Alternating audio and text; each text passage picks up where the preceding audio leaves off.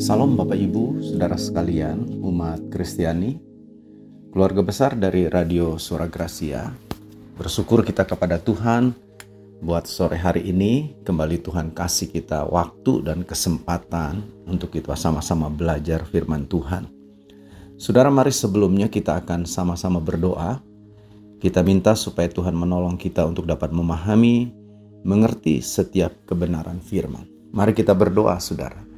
Tuhan Yesus Gembala kami yang baik, kami berterima kasih kepada Tuhan untuk segala anugerah-Mu, untuk segala kebaikan yang Tuhan berikan kepada kami. Hari ini kembali Tuhan kasih kami waktu dan kesempatan untuk kami sama-sama belajar kebenaran firman. Tolong Tuhan, urapi kami, mampukan kami untuk dapat mengerti setiap kebenaran firman-Mu. Tolong hambamu untuk dapat menguraikannya dengan baik, dipahami, dimengerti oleh umatmu, umatmu diberkati, dan namamu Tuhan dipermuliakan. Terima kasih Bapa. Terpujilah namamu di dalam nama Yesus kami berdoa dan kami bersyukur. Haleluya, haleluya, amin. Saudara-saudara yang kekasih dalam Tuhan, pada sore hari ini saya ingin menyampaikan kebenaran firman dengan judul atau dengan tema iman dan kekudusan. Saudara, kalau kita bicara tentang iman, itu adalah sesuatu yang sifatnya tidak kelihatan. Jadi, saudara-saudara, saudara tidak tahu iman saya sebesar apa, sebaik apa. Demikian pula, saya tidak tahu iman saudara sebesar apa, sebaik apa. Apakah saya memiliki iman yang benar atau tidak? Kan saudara juga tidak tahu. Nah, saudara, dari mana saya bisa tahu bahwa saudara beriman? Dari mana saudara bisa tahu bahwa ada iman di dalam saya ini? Nah tentu dari apa yang dapat dilihat. Saudara-saudara, dari perkataan kita, dari tingkah laku kita, dari apa yang kita lihat ya dari orang itu, kehidupan keluarganya, kehidupannya di dalam mereka berumah tangga, dalam usaha pekerjaannya itu akan memperlihatkan kepada kita sejauh mana imannya di dalam Tuhan. Nah, saudara-saudara, itu sebabnya kekudusan adalah salah satu hal yang dapat kita katakan sebagai bukti bahwa saudara dan saya adalah orang beriman. Ini satu bukti yang tidak dapat disangkal, saudara, bahwa kita beriman dan sebagai orang yang beriman, maka kita harus hidup di dalam kekudusan. Saudara, saya ajak saudara untuk membaca bagian Alkitab yang akan sama-sama kita renungkan. 1 Petrus pasal yang pertama, ayat yang ke-14 sampai ayat 16 berkata begini. Hiduplah sebagai anak-anak yang taat dan jangan turuti hawa nafsu yang menguasai kamu pada waktu kebodohanmu, tetapi hendaklah kamu menjadi kudus di dalam seluruh kehidupanmu, sama seperti Dia yang kudus, yang telah memanggil kamu. Sebab ada tertulis, "Kuduslah kamu, sebab Aku kudus." Nah, saudara-saudara, kalau kita perhatikan ayat-ayat ini, maka kita lihat ada satu pesan serius, sungguh-sungguh yang disampaikan oleh Rasul Petrus. Apa dia bilang? Supaya kita ini hidup sebagai anak-anak Tuhan, sebagai orang-orang yang percaya, kita hidup di dalam ketaatan. Jadi jangan mengikuti keinginan daging kita, jangan mengikuti hawa nafsu kita, tapi kita hidup taat berpegang kepada kebenaran firman. Nah, saudara-saudara, dia tekankan di sini sebagai orang-orang yang taat. Itulah sebetulnya orang-orang yang dapat dikatakan hidup di dalam kekudusan. Bapak Ibu, Saudara sekalian, jadi kekudusan itu adalah bukti yang menunjukkan bahwa kita adalah orang beriman. Bukti yang menunjukkan bahwa saya ini adalah orang beriman saya menjalani hidup saya di dalam kekudusan. Bukti bahwa saudara adalah orang beriman, saudara akan hidup di dalam kekudusan. Saudara, kalau saya berkata, "Oh, saya beriman sungguh kepada Tuhan," tapi saya tidak hidup di dalam kekudusan, itu aneh, saudara. Kan Alkitab bilang iman itu tanpa perbuatan pada hakikatnya kosong. Saudara-saudara, jadi iman kita ini harus nampak. Tadi saya bilang iman adalah sesuatu yang tidak bisa kita lihat. Ya. Tidak kelihatan, tapi kelihatannya itu, saudara, dari apa yang bisa dilihat. Saya bisa lihat hidup saudara seperti apa, rumah tangga saudara seperti apa, peran saudara sebagai suami, sebagai istri seperti apa, saudara bekerjanya seperti apa. Itu akan kelihatan dari situ, saudara. Bahwa saudara beriman kepada Kristus sungguh-sungguh atau tidak. Nah, jadi saudara-saudara, kekudusan adalah sebagai bukti bahwa saudara dan saya adalah orang-orang yang beriman kepada Kristus. Saudara, saya sering mendengar ketika orang berbicara tentang kekudusan, sering kali membuat orang menjadi kecil hati. Bahkan tidak sedikit yang merasa frustasi. Kenapa begitu, saudara? Karena ternyata mereka bilang saya selalu gagal. Ya. Dan dia bilang, saudara tidak mungkin saya ini bisa hidup dalam kekudusan. Ya. Apalagi saya hidup di tengah-tengah dunia yang jahat, yang penuh dengan segala macam hal-hal yang kotor, yang tidak berkenan. Bagaimana mungkin saya bisa hidup kudus? Nah, saudara-saudara, saya mau coba membawa saudara kepada satu pengertian. Seringkali ketika kita bicara tentang kekudusan, hidup kudus, bayangan kita itu adalah satu kehidupan yang benar-benar bersih sekali begitu saudara. Saudara ya memang bisa jadi juga begitu ya harusnya kan. Tapi kan dalam kenyataan tidak seperti itu. Tapi saya ingin memberikan kepada saudara satu pemahaman dasar tentang kekudusan itu. Nanti kita akan lihat. Saudara, kalau kita pelajari Alkitab, ya, Ternyata kalau kita bicara tentang kekudusan atau tentang kudus itu, saudara-saudara, arti dari kata kudus itu saudara artinya dipisahkan. Ya. Saudara ingat ini ya, dipisahkan. Kalau dalam Alkitab perjanjian lama bahasa aslinya ada kata kadas. Dalam perjanjian baru ada kata hagios, saudara. Nah kedua kata ini sama, saudara. Artinya itu dipisah Lalu dipisahkan bagaimana maksudnya? Jadi kita dipisahkan menjadi milik Allah untuk melakukan kehendak Allah. Saudara, saya kasih contoh dalam Alkitab supaya memperjelas arti daripada dikuduskan. Bangsa Israel, saudara ada 12 suku kan.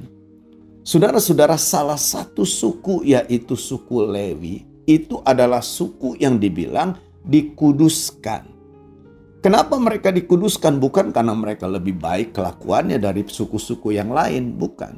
Tapi Tuhan pilih mereka dikhususkan, ya, dikhususkan bagi Tuhan untuk melakukan segala sesuatu yang menjadi kehendak Tuhan. Nah, jadi saudara-saudara, ini maksudnya dikuduskan. Inilah maksudnya hidup kudus, bahwa saya dikuduskan berarti hidup saya dipisahkan dari sekian banyak orang, saya dipisahkan dan saya menjadi milik Allah. Untuk apa saya dimiliki oleh Allah?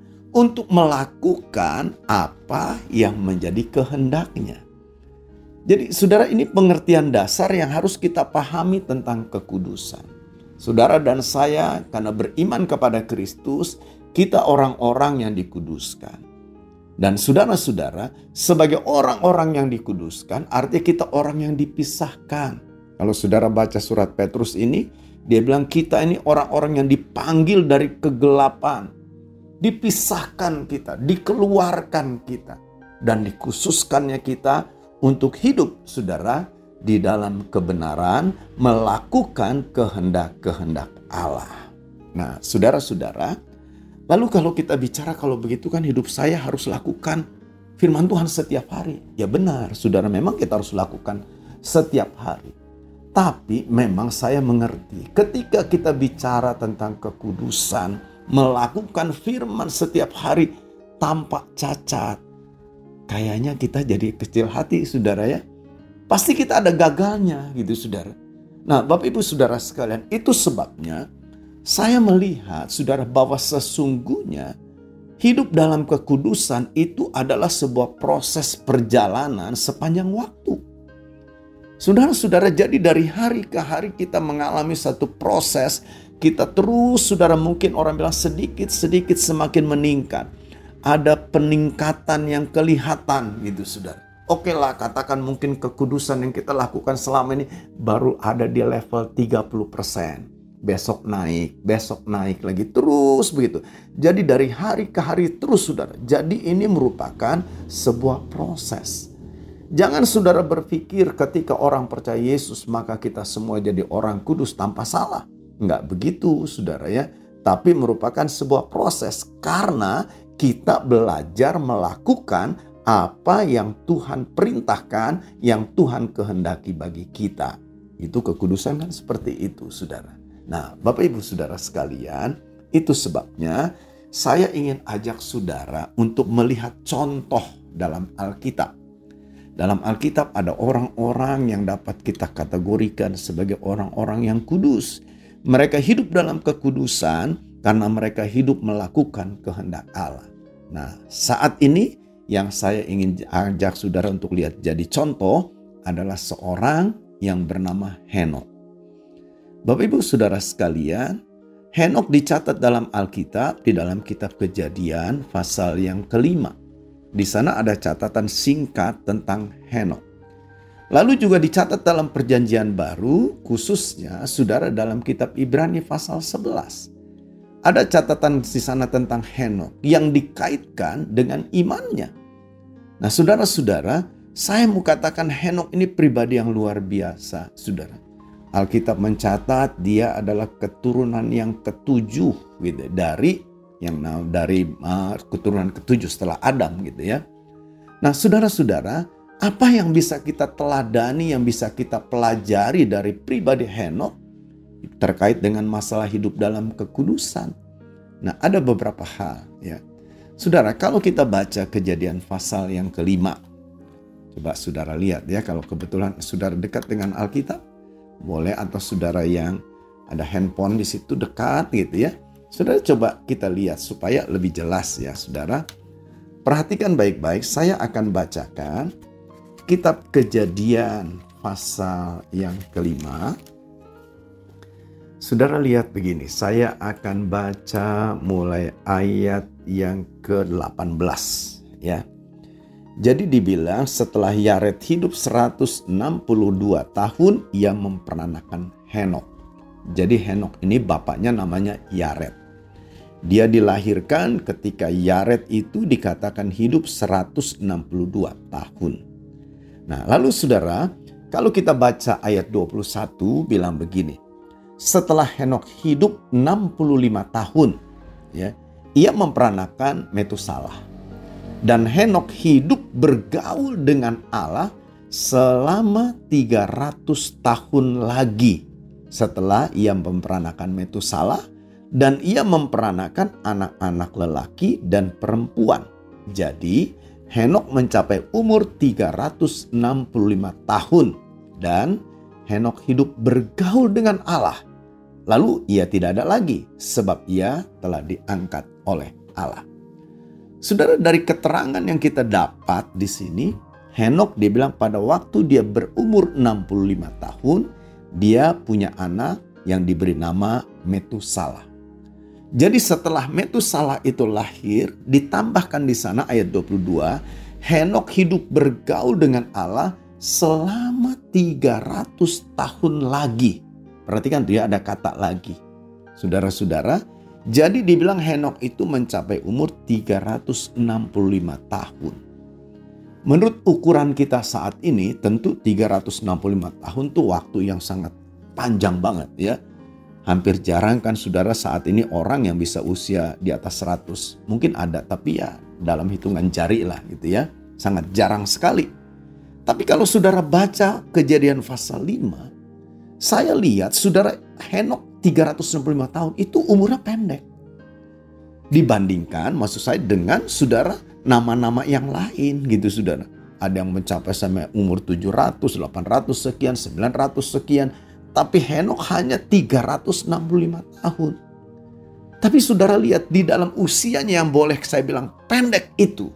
Ada satu hal yang sangat menonjol dibilang Henok bergaul dengan Allah. Nah ini saudara yang harus kita perhatikan. Ini yang akan menolong kita. Inilah keteladanan Henok yang diberikan kepada kita. Hidup bergaul dengan Allah.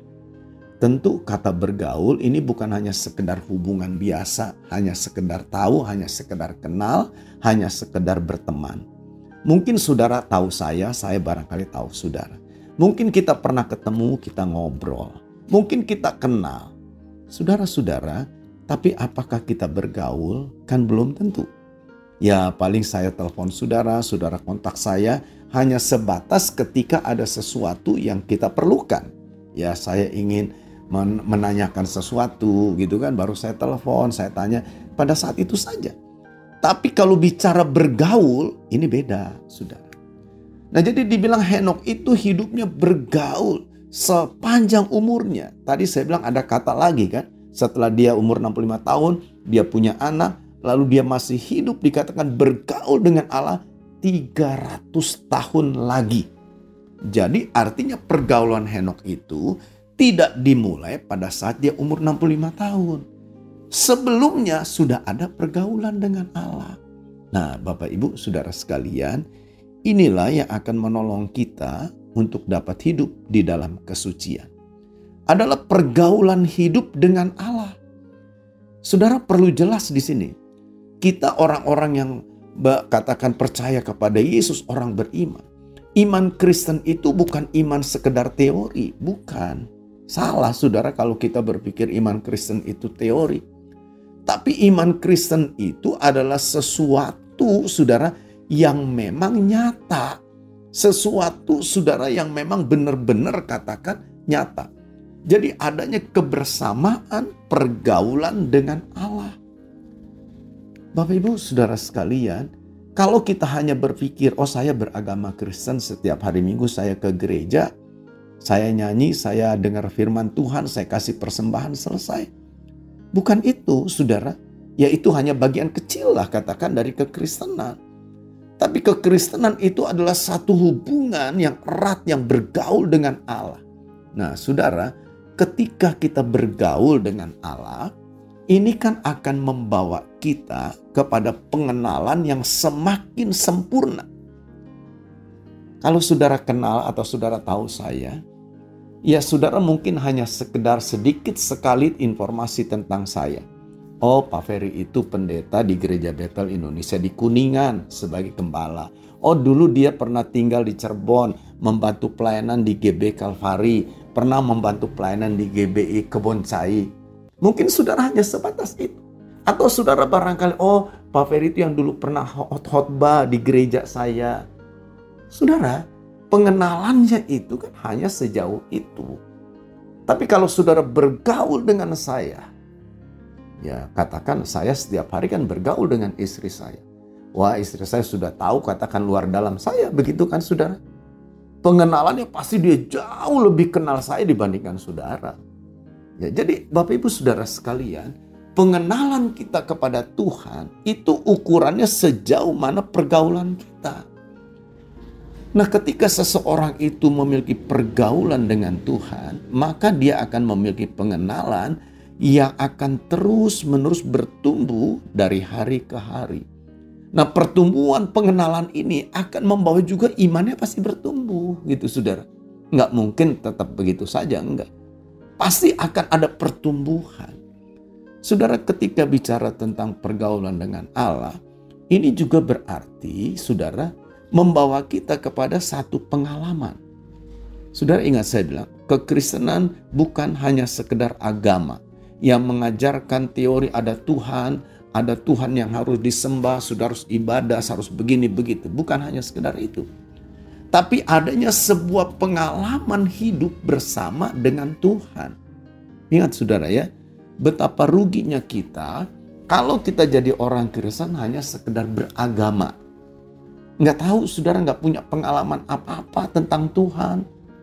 Rugi saudara kita ini kalau hanya begitu.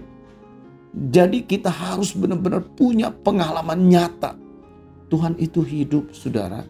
Tuhan itu nyata. Dia nggak jauh saudara. Dia bilang aku menyertai kamu senantiasa sampai akhir zaman. Artinya kan dia menyediakan diri untuk senantiasa bersama dengan kita. Nah, pergaulan dengan Allah akan membawa kita mengalami pengalaman-pengalaman baru setiap hari dengan Tuhan. Coba saudara jujur dengan diri saudara. Sudah berapa lama saudara jadi orang Kristen? Bisakah saudara menceritakan pengalaman hidup saudara dengan Tuhan? Dalam situasi tertentu, dalam keadaan tertentu, bahkan mungkin dalam keadaan segala sesuatu seperti kelihatan baik, ada satu pengalaman yang indah dengan Tuhan. Wah saya pribadi ngalami banyak saudara pengalaman dengan Tuhan.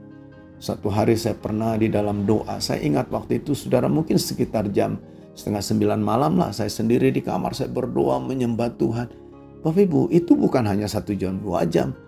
Kemungkinan saya lupa ya sekitar sampai jam 2 jam 3 pagi itu saudara baru selesai. Dan saya mendengar satu pujian pujian apa yang begitu indah luar biasa ada satu suasana yang berbeda sekali wah itu meneguhkan luar biasa saudara itu pengalaman saya belum tentu saudara alami gitu kan yang saudara alami belum tentu juga saya alami tapi yang pasti kekristenan adalah pengalaman nyata karena pergaulan itu nah jadi mari saudara Ingat, kekudusan adalah sebuah proses. Itu sebabnya biarlah pergaulan dengan Allah menjadi sesuatu yang kita utamakan dalam hidup kita. Saudara, lalu yang kedua yang bisa kita pelajari dari Henokh, dia bukan hanya bergaul, tapi juga Alkitab bilang dalam Ibrani pasal 11 ayat yang kelima, kalau saudara perhatikan di sana, saya akan bacakan ya. Ibrani 11 ayat 5. Bunyinya begini, saudara dibilang. Karena iman Henok terangkat supaya ia tidak mengalami kematian dan ia tidak ditemukan karena Allah telah mengangkatnya. Sebab sebelum ia terangkat, ia memperoleh kesaksian bahwa ia berkenan kepada Allah. Saudara, kalimat terakhir dibilang Henok itu hidupnya berkenan kepada Allah. Hidup dalam kekudusan bukan hanya masalah pergaulan, tapi masalah hidup yang menyenangkan.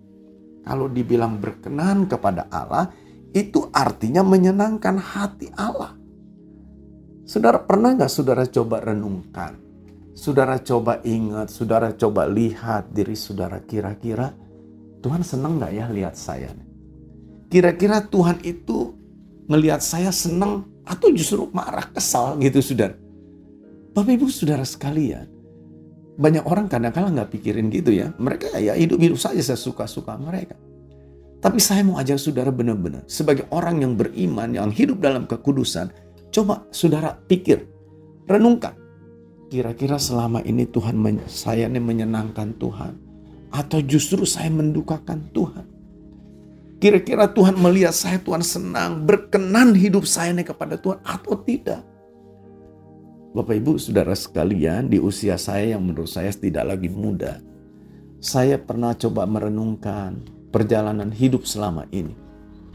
Saudara mungkin bukan dari lahir. Katakanlah dari saat saya percaya saya bertobat. Saya tanya Tuhan kira-kira sekian tahun saya mengenal Tuhan. Apakah Tuhan senang dengan hidup saya? Berapa persen dari sekian waktu itu di mana Tuhan senang dengan saya? Bapak Ibu, mungkin kalau kita mau berkata jujur, barangkali lebih banyak persentase kita tidak menyenangkan Tuhan. Itu saya mungkin ya, tapi kalau saudara oke okay, barangkali sudah menyenangkan Tuhan itu baik. Tapi yang pasti saudara, berkenan kepada Allah itu adalah satu kehidupan saudara yang harus kita jalani.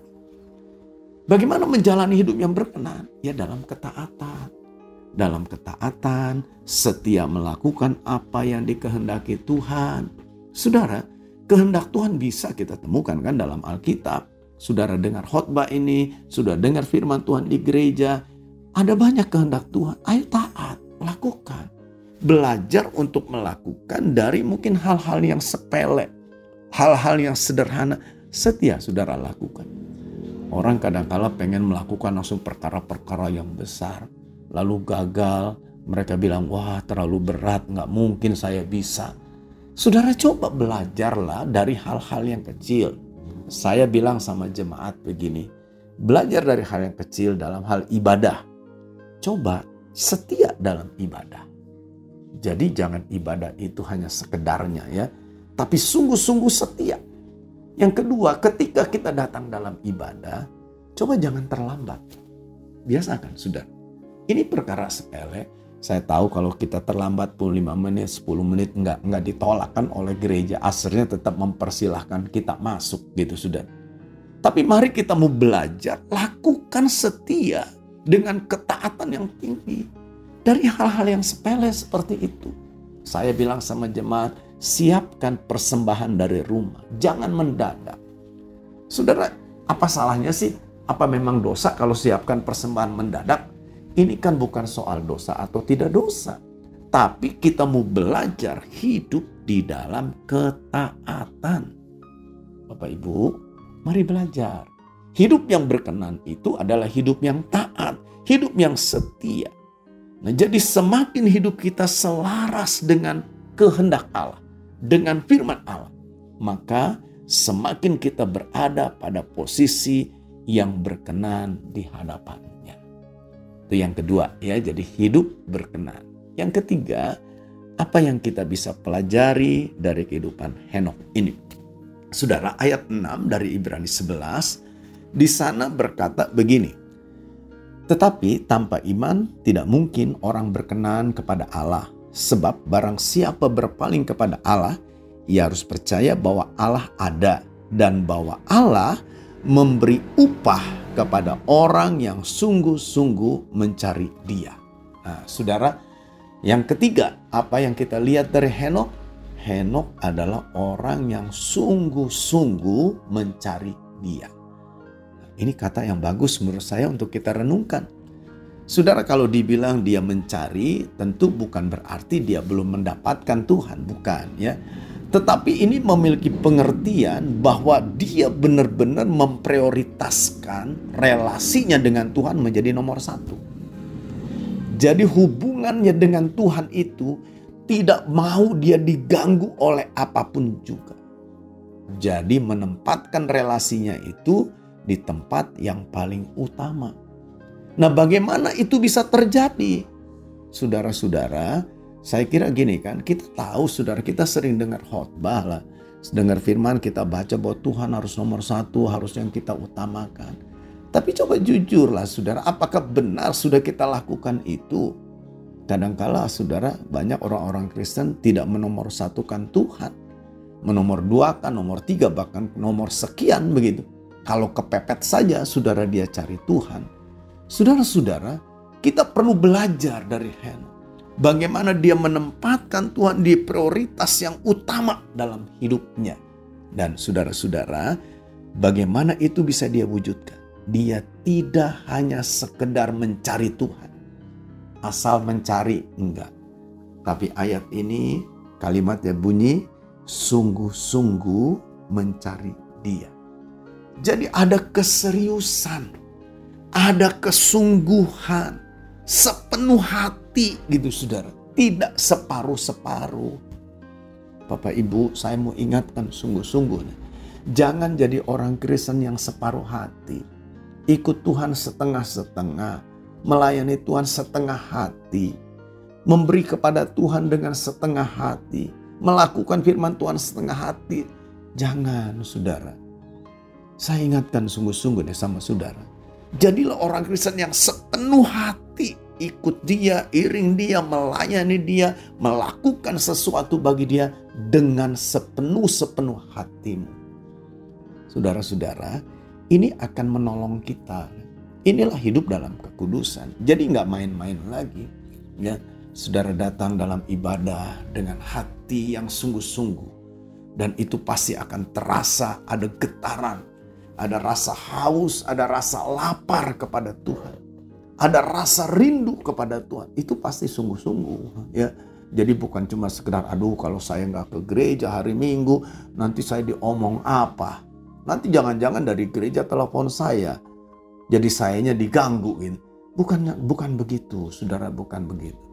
Tapi biarlah ini lahir dari hati yang sungguh-sungguh mencintai Tuhan, sungguh-sungguh merindukan Tuhan. Bapak Ibu, saudara sekalian, berhentilah, stop kalau selama ini kita hanya jadi orang Kristen yang setengah hati, tidak serius, tidak sungguh-sungguh. Bahkan kalau secara lebih ekstrim saya bilang udah lebih nggak usah ikut Tuhan lah gitu saudara. Mari saudara, biarlah kita mau tetapkan hati kita sepenuh-penuhnya. Hidup bagi Tuhan. Kemuliaan untuk bagi Tuhan. Nah ini yang harus ada. Saudara inilah orang-orang yang hidup di dalam kekudusan mencari Tuhan, menunjukkan keaktifan kita sebagai muridnya. Jadi tidak pasif. Kita iman kita bukan iman yang pasif, yang menunggu, yang diam berdiam diri saja, tapi kita mau menunjukkan ada sesuatu yang kita lakukan. Saudara-saudara, Alkitab mencatat Henok itu terangkat, diangkat oleh Tuhan kalau saudara baca terus tadi ayat 5-nya pasal 11 Ibrani itu dibilang dia tidak mati. Tuhan angkat dia di usia 365 tahun itu. Bapak Ibu, persekutuan dengan Tuhan, memprioritaskan Tuhan, mencari Tuhan dengan sungguh-sungguh, percaya beriman dengan sungguh-sungguh, itu akan membawa kita masuk dalam persekutuan yang lebih erat, yang tidak akan dapat dipisahkan oleh apa pun juga. Saya berharap apa yang saya sampaikan ini menjadi sebuah pelajaran yang memberkati kita, mengubahkan hidup kita. Mari saudara, saudara dan saya orang beriman, hiduplah di dalam kekudusan. Kekudusan memang adalah sebuah proses. Dalam proses itu, belajar dari Nuh, bergaul dengan Allah. Bergaul dengan Allah dengan sungguh-sungguh. Hidup berkenan di hadapannya. Dan saudara-saudara, yang ketiga tadi kita belajar jangan setengah-setengah. Sepenuh-penuh hati kita, kita mau percaya, kita mau melayani, kita mau sungguh-sungguh dengan dia. Tuhan Yesus berkati kita semua. Amin. Mari kita berdoa saudara. Tuhan Yesus gembala kami yang baik. Terima kasih buat kebenaran firman yang kami dengar pada sore ini. Biarlah ini mengubah kami, memberkati kami. Berkati seluruh pendengar di mana pun mereka berada, kasih karunia Allah limpah turun atas mereka. Bapa, berkatilah bangsa kami, berkatilah kota kami. Kami berdoa secara khusus untuk pemilu di tanggal 14. Roh Kudus bekerja. Engkaulah yang menetapkan pemimpin bagi bangsa ini. Karena kami percaya Indonesia ada di hatimu. Engkau punya rencana yang besar bagi Indonesia. Doa kami selamatkan Indonesia. Itu sebabnya Pemilu yang akan dilangsungkan akan berjalan dengan aman, dengan baik, tanpa ada kekacauan apa pun. Berkati seluruh pendengar, hamba-hambamu di mana pun juga berada Tuhan berkati. Terima kasih Tuhan, kami kembalikan segala pujian, segala hormat bagi Tuhan. Di dalam nama Tuhan Yesus Kristus. Haleluya, haleluya, amin, amin.